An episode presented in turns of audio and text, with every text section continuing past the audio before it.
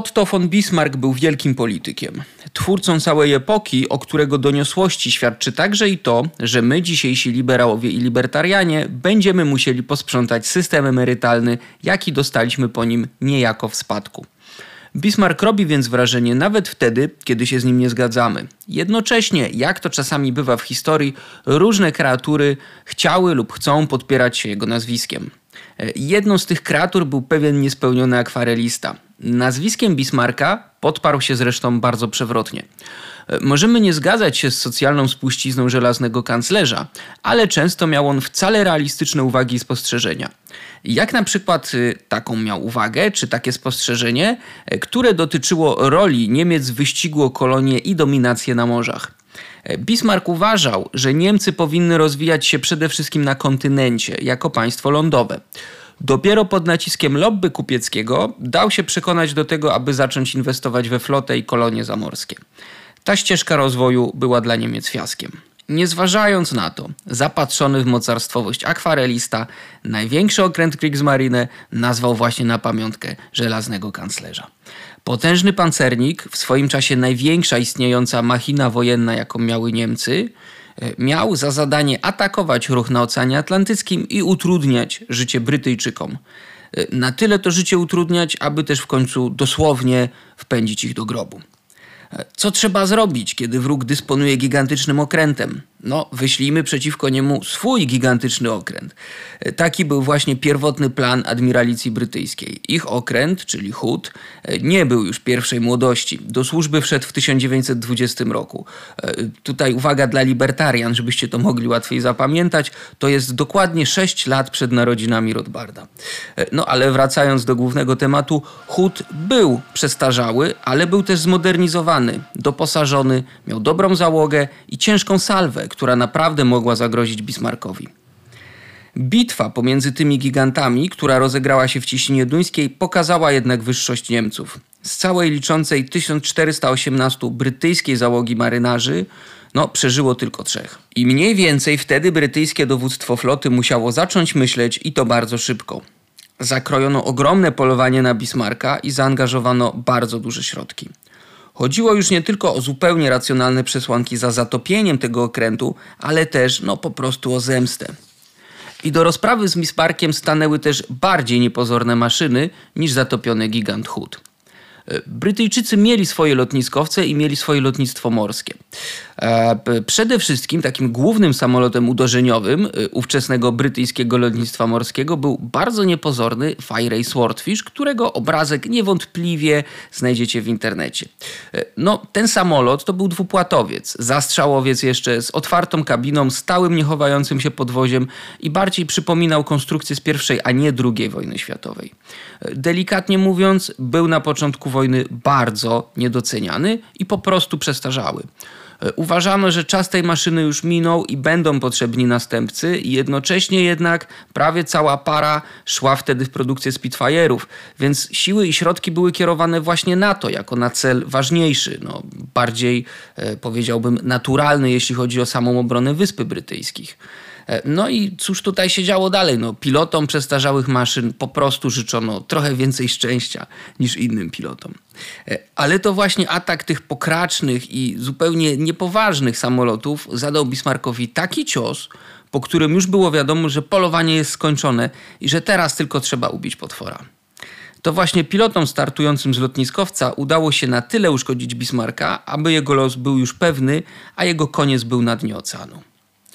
E, przeprowadzono nalot 15 swordfishów e, i ten nalot okazał się być punktem zwrotnym. E, jasne, wcześniej Brytyjczycy wchodzili w kontakt ogniowy z Bismarckiem, ale dopiero bardzo odważny atak tych bardzo niepozornych dwupłatowców okazał się być przełomowy.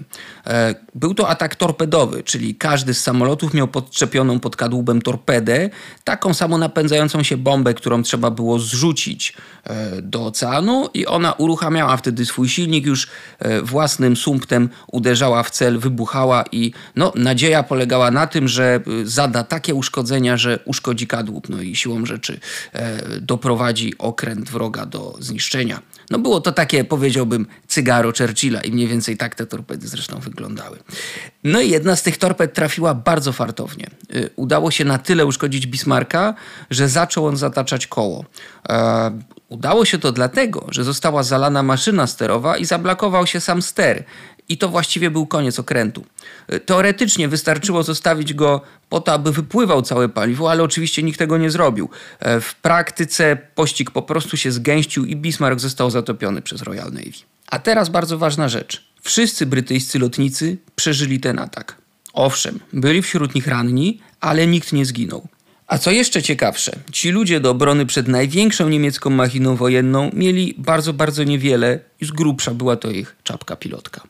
Jeżeli cokolwiek w historii świata przypomina atak samolotów na King Konga, który stoi na szczycie drapacza chmur, to była to właśnie ta sytuacja, to wydarzenie. Trzeba się jednak zastanowić, dlaczego to w ogóle się udało i dlaczego małym, niepozornym swordfishom udało się zatopić potężnego Bismarcka. E, Swordfishy okazały się być bardzo skuteczną bronią przeciw właśnie temu okrętowi, e, dlatego że wszystkie ich wady okazały się być zaletami. E, po pierwsze, te samoloty były naprawdę powolne, były po prostu przestarzałe, ale ówczesna artyleria przeciwlotnicza była przystosowana do szybszych przeciwników. To powodowało problem z trafieniem w Swordfishe. Po drugie, nieprzypadkowo lotnicy nazywali je stringbags, czyli siatkami na zakupy. E, to były samoloty, które miały ażurową konstrukcję, były tak naprawdę dość lekkie. E, były w ogóle kryte płótnem i nawet jeśli pocisk je trafiał, to przelatywał przeważnie na wylot, no i nie, nie zostawiał jakichś bardzo dużych uszkodzeń. E, jeden z atakujących samolotów został zresztą trafiony 125 razy, a mimo to zaatakował, zrzucił swoją torpedę i wrócił na lotniskowiec. Dodatkowo, załogi tych samolotów były po prostu odważne i były też dobrze wyszkolone. Dzięki temu i też dzięki topornej, ale odpornej konstrukcji swoich samolotów mogli oni podczas ataku schodzić naprawdę nisko, niemalże nad lustro wody, co utrudniało celowanie Niemcom. Ci zresztą mieli do dyspozycji trzy rodzaje artylerii przeciwlotniczej. Działa ciężkie, średnie i lekkie. Problemem było jednak zgranie tych trzech rodzajów uzbrojenia, wyszkolenie załóg, ograniczenia techniczne, no i to, że okręt musiał manewrować, cały czas unikając torped. Okazało się, że dla małych samolotów Bismarck był łatwiejszym celem niż one dla niego.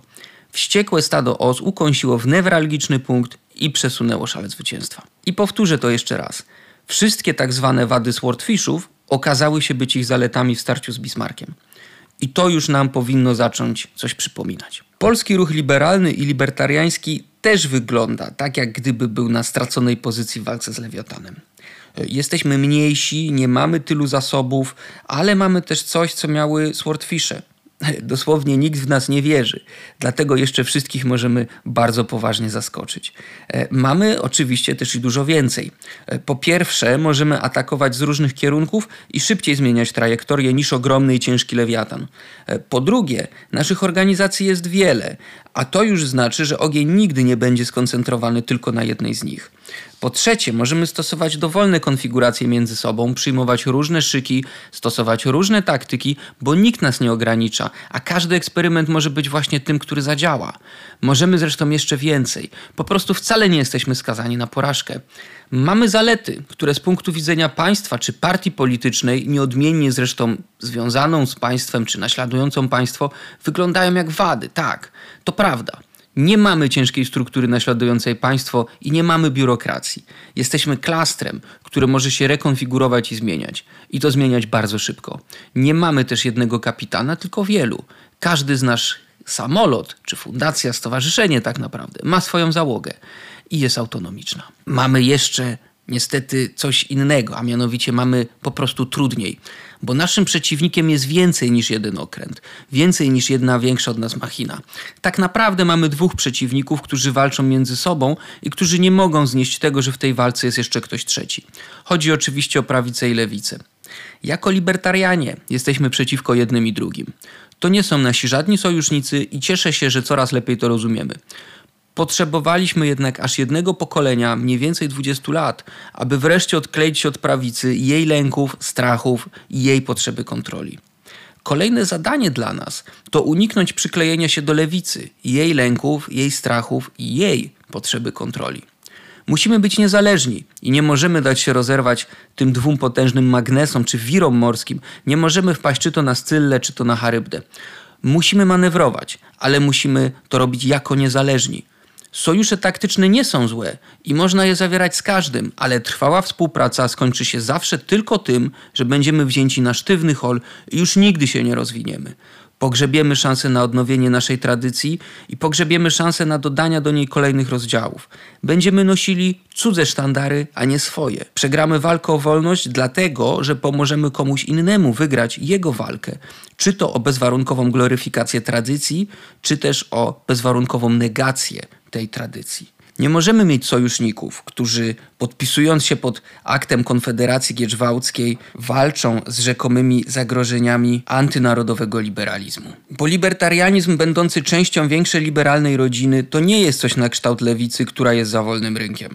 Nie jesteśmy lewicą, nie jesteśmy też prawicą. Nawet nie jesteśmy między nimi.